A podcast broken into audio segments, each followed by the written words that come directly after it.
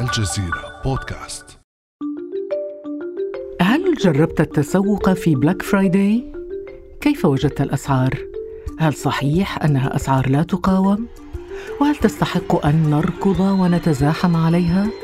هذا الحديث ليس متخيلا بل هو حديث دارج بين الناس في الكثير من دول العالم وطبعا بينها دولنا العربية اختلف الناس في أصل تسميته وتباينت الآراء بخصوصه لكن ما صار متفقا عليه أن Black Friday أو الجمعة السوداء أصبح مرتبطا بمشهد التزاحم الكبير والتسابق على المحل التجاري للتسوق في عدد من دول العالم بدءا من فجر رابع يوم جمعة من شهر نوفمبر من كل عام. فما قصة ال Black Friday وماذا عن التخفيضات الكبيرة التي تعلن عنها المتاجر ومواقع التسوق الإلكتروني بهذه المناسبة. هل هي حقيقية أم وهم؟ وكيف أثرت جائحة كورونا على Black Friday هل سلمت المتاجر الراية للتسوق الإلكتروني؟ وما حكايتنا نحن العرب مع هذا التقليد التسوقي؟ وأنتم هل تغريكم مستمعين تخفيضات Black Friday أم أنكم لا تلقون لها بالا؟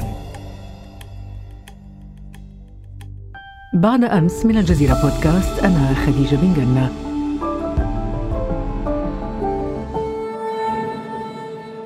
وأسعد باستضافة المحلل الاقتصادي علي شاكر القيسية نرحب بك أستاذ علي تفضل.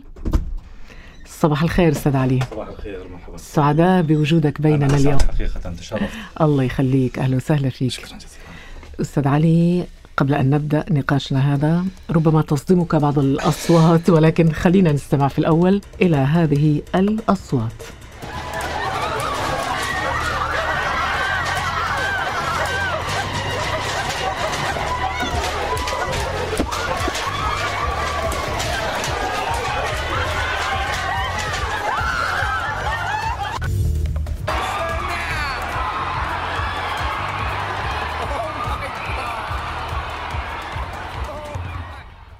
أستاذ علي هذه الأصوات ربما ليست غريبة عنك.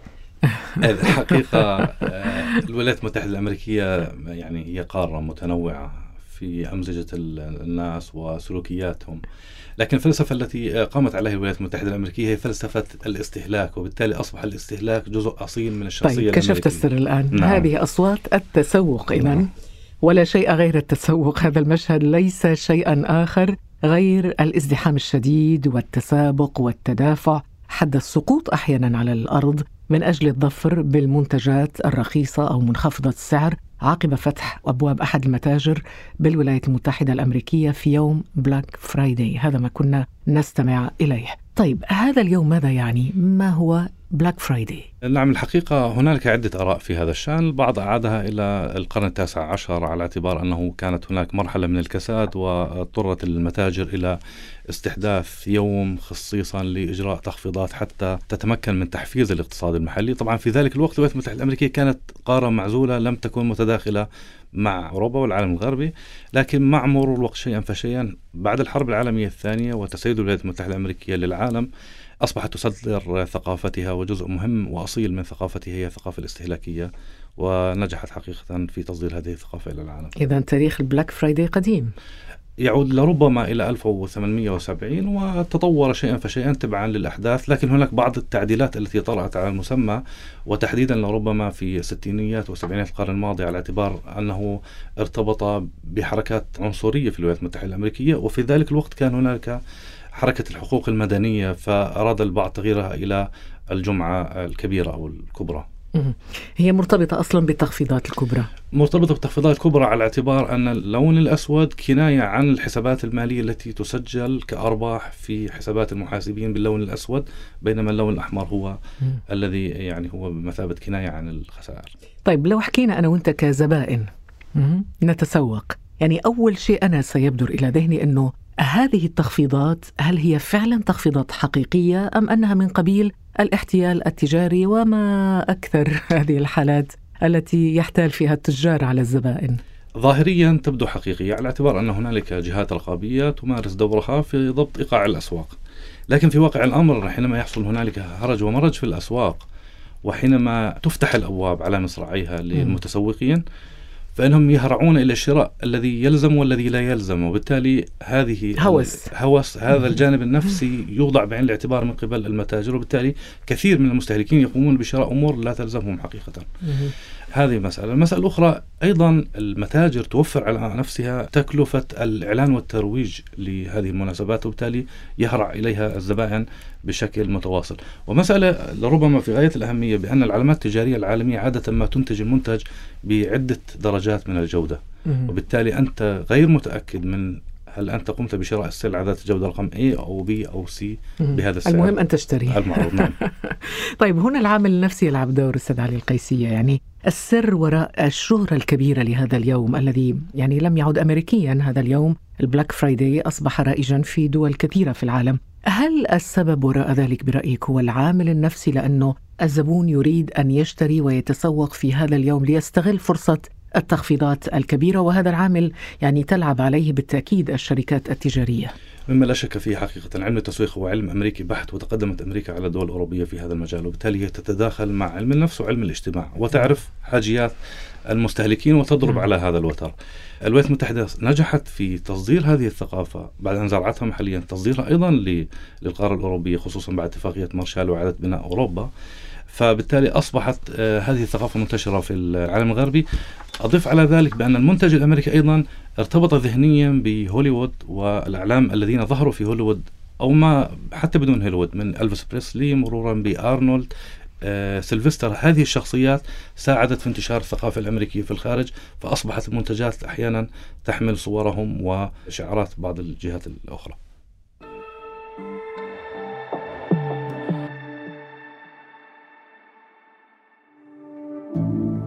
ابقى على تواصل مستمر مع الجزيرة بودكاست ولا تنسى تفعيل زر الاشتراك الموجود في تطبيقك لتصلك الحلقات يومياً.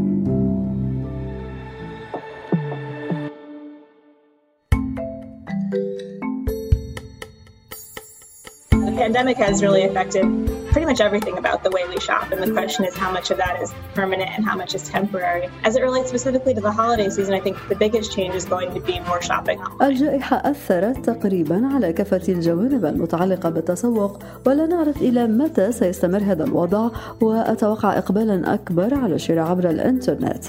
أعتقد أن ال Black Friday فقد بريقة بسبب جائحة كورونا وسيكون الوضع مختلفا ولن يعود كما كان في السابق طبعا أستاذ علي نحن نناقش هذا الموضوع ونحن يعني ما زلنا في عز كورونا بين أحضان الملكة. كورونا تلعب بنا كما تشاء. استمعنا الآن إلى المحللة الاقتصادية الأمريكية جينين ستايتشر من مجموعة جيفريس الاستثمارية وهي تتحدث عن تأثير جائحة كورونا على Black Friday هل تعتقد أستاذ علي أنه جائحة كورونا فعلا أثرت على تقليد Black Friday في ظل حالة الإغلاق والحجر المنزلي خصوصا أنه ما زالت حالة الإغلاق مستمرة في العديد من الدول الأوروبية؟ أعتقد نعم هناك آثار جانبية كثيرة وهناك أعداد كثيرة تنضم إلى أسراب البطالة وبالتالي لربما القدرة الشرائية عند البعض تضررت نتيجة فقدانهم أعمالهم في فترة الكورونا وبالتالي تأثر. هذا ما ستضعه بعين الاعتبار الشركات التي تقدم الترويج تريد أن تخفض الأسعار إلى الحد الممكن الذي يواكب لربما القدرات الشرائية لدى هؤلاء كيف كان هذا التأثير؟ عندك أي أمثلة؟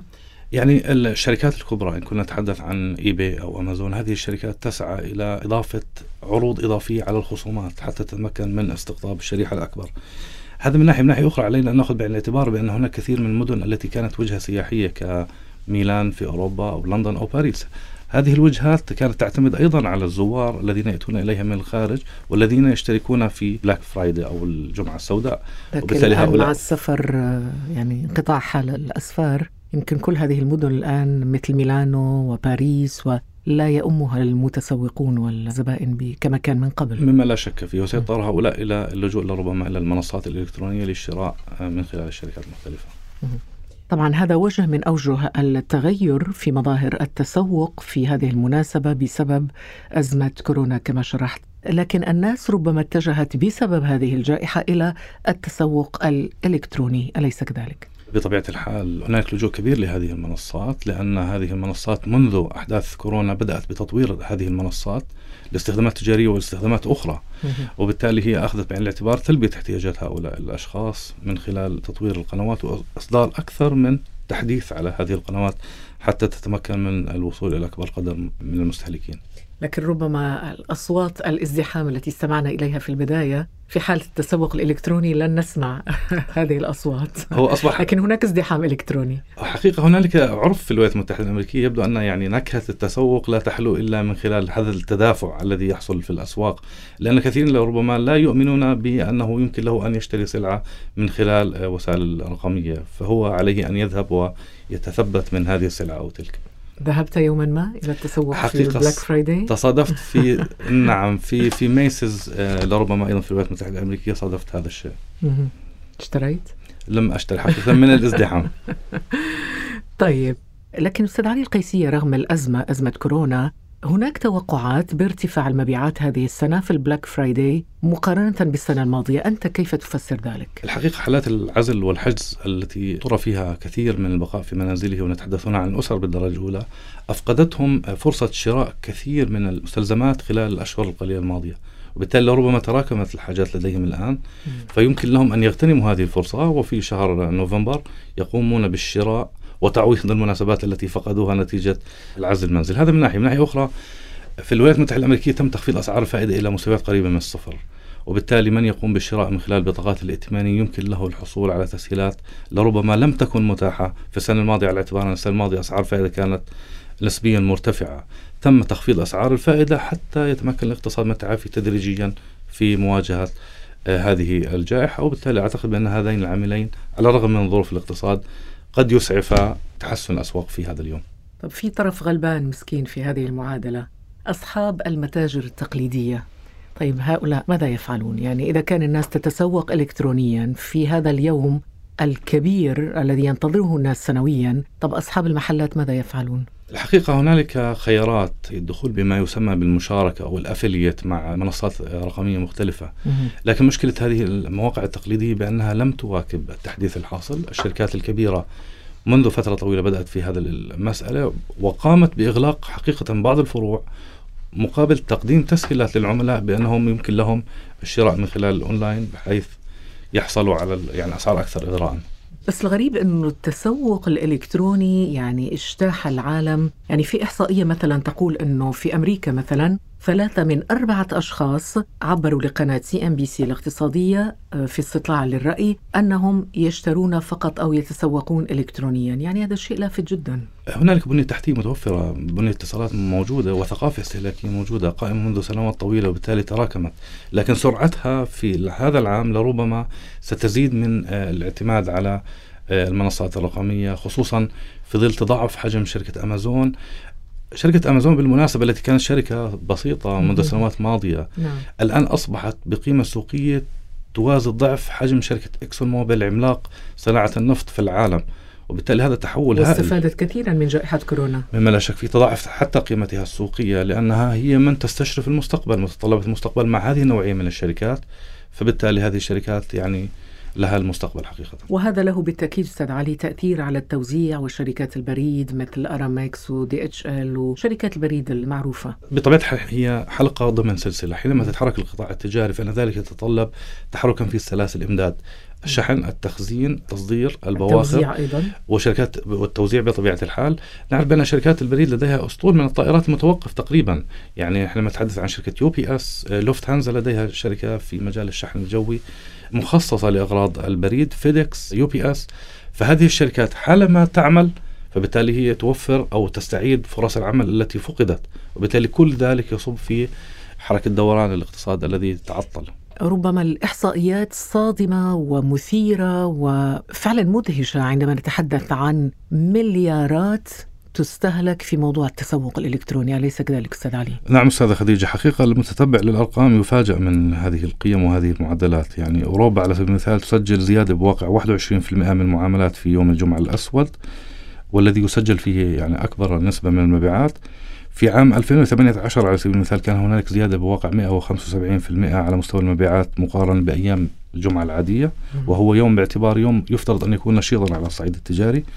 كذلك يعني يجب أن نشير إلى أن المستهلكين أنفقوا حوالي 7.4 مليار دولار في المشتريات عبر الإنترنت وهذا ما يشكل زيادة بواقع 1.2 مليار دولار مقارنة بيوم الجمعة الأسود من عام 2018 لكن عائدات المبيعات عبر الإنترنت كانت نسبيا أقل من 7 مليار دولار في ذلك اليوم كما ذكرت أستاذ علي كما ينتقل كل شيء تقريبا من أمريكا وأوروبا إلى العالم العربي من أفكار ونظريات أيضا البضائع والمنتجات تنتقل إلينا ينتقل إلينا ال Black Friday معها وأصبح ال Black Friday تقليدا تسويقيا يقبل عليه مواطنو بعض الدول العربية خصوصا في السنوات الأخيرة حتى وإن لم يكن عندنا عيد شكر. علي الأحمد من الأردن. نعم تخفيضات Black Friday حقيقية ولكن في العالم الأجنبي الغربي وليس في العالم العربي. في العالم العربي Black Friday غير صحيح غير واقعي أسعار جنونية. أنا فاطمة من المغرب في اعتقادي أن تخفيضات ال Black Friday هي احتيال أكثر منها حقيقة لأن أغلب المنتجات التي تعرض في التخفيض تكون ذات جودة ضعيفة لذا فأنا لا أؤيد فكرة ظاهرة التسوق في ال Black Friday في العالم العربي. أنا ديما نستنى Black Friday. على خاطر ماما تشري لي برشا حاجات مزيانين لبس جدد ألعاب جدد وأسعارهم مناسبة كما تقول ماما. أكيد بحب يكون عندنا في فلسطين فعاليات Black Friday ونروح مع ماما وبابا ونشتري أغراض وألعاب بأسعار رخيصة. بس هلأ مع كورونا أكيد بابا وماما ما بقبلوا إنا نروح لهيك أماكن. أستاذ علي قيسية إذا كيف انتقل ال Black Friday إلى العالم العربي ومتى برأيك؟ كما أسلفنا بأن الثقافة الأمريكية انتقلت للعالم العربي منذ انتشار التلفزيون حقيقة وظهور أعلام السينما والفن بشكل عام. أصبح هناك أيقونات يتأثر بها الشباب في العالم العربي وأصبحت كثير من المنتجات تخترق الأسواق العربية.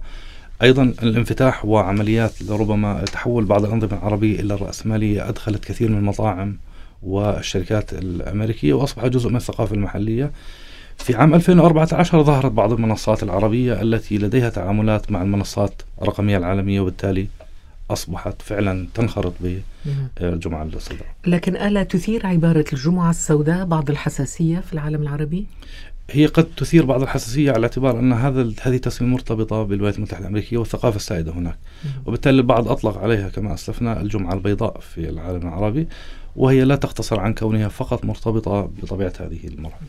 طب ما هي الفئات أستاذ علي؟ الفئات التي تقبل على هذا التقليد في التسوق في العالم العربي؟ يعني هناك فئات معينة؟ بطبيعة الحال من لديه اطلاع ولديه القدرة على دخول هذه المنصات. يشترط طبعا أن يكون لديه مثلا حساب مصرفي أو بطاقة ائتمان لأنه مستوى انتشار بطاقات الائتمان في العالم العربي تكاد تكون قليلة. أيضا علينا أن نأخذ بعين الاعتبار بأنه يجب أن تكون هناك شبكة إنترنت قوية. في بعض البلدان العربية لا تصل هذه الشبكة صحيح. أيضا. وأن يكون لديه فعلا يعني استفادة من هذه المشتريات التي تتم. وإلا من خلال الجمارك وعمليات الشحن لربما تصل السلعة بسعر مقارب للمنتج الذي يباع محليا. طيب ما هي أهم المنتجات برأيك التي يقبل عليها أه، تتركز بمجال الألبسة والأحذية والأجهزة الكهربائية والإلكترونية الدرجة الأولى. وأنت منهم. الحقيقة لم أنا منهم على الأقل ممكن أكد لك أنه في موضوع الشراء الملابس والأحذية آه، آه. أنه يعني أسهل لي أني أطلب على الإنترنت من مواقع معينة ويعني تصلني البضاعة في فترة زمنية وجيزة. صحيح كما أسلفنا بأن لديهم شركات الشحن لديها طائرات ولديها أيضا مستودعات منتشرة في العالم بمعنى أنك قد تشتري من الولايات المتحدة الأمريكية. إلا أن السلعة قد تصلك من المستودعات القريبة لهذه الشركة التي تكون موجودة على الصعيد الإقليمي. طيب شو اللي بيمنع أنه أن نتبنى نحن العرب فعالية تجارية خاصة بالتسوق في العالم العربي وليكن اسمها مثلا الخميس الأبيض الأربعاء الأبيض. الحقيقة يعني نعول على الجيل القادم من الشباب أن يزيل هذه الصورة القاتمة التي تبدو عليها التعاملات الاقتصادية العربية منذ أن ولدنا ولربما منذ أن تخلصنا من الاستعمار ونحن نسمع بالسوق العربية المشتركة. حبر على ورق اجتماعات لم تثمر عن صحيح. أي شيء. فبالتالي نتأمل من هذا الجيل الصاعد الذي لديه القدرة والأفاق والأفكار الريادية أن يبدد هذه الصورة التي لم تسهم بتحقيق نوع من التكامل الاقتصادي والاستفادة ما بين الدول العربية على الرغم من الإمكانيات الهائلة التي نمتلكها على صعيد الموقع الجغرافي، الموارد الطبيعيه بالإضافة إلى الشباب المتحمس والذي لديه الرغبة للإنجاز. أنت متفائل؟ متف... متشائل كما قال محمود درويش. نعم. نص نص. نعم نصف نصف شكرا جزيلا لك الأستاذ علي القيسي المحلل الاقتصادي. شكرا. سعدنا بوجودك معنا في تش... البودكاست. تشرفت بالمشاركة معك أستاذ الله يخليك. شكرا تسلم. جزيلا. الله يحفظك. كان هذا بعد أمس.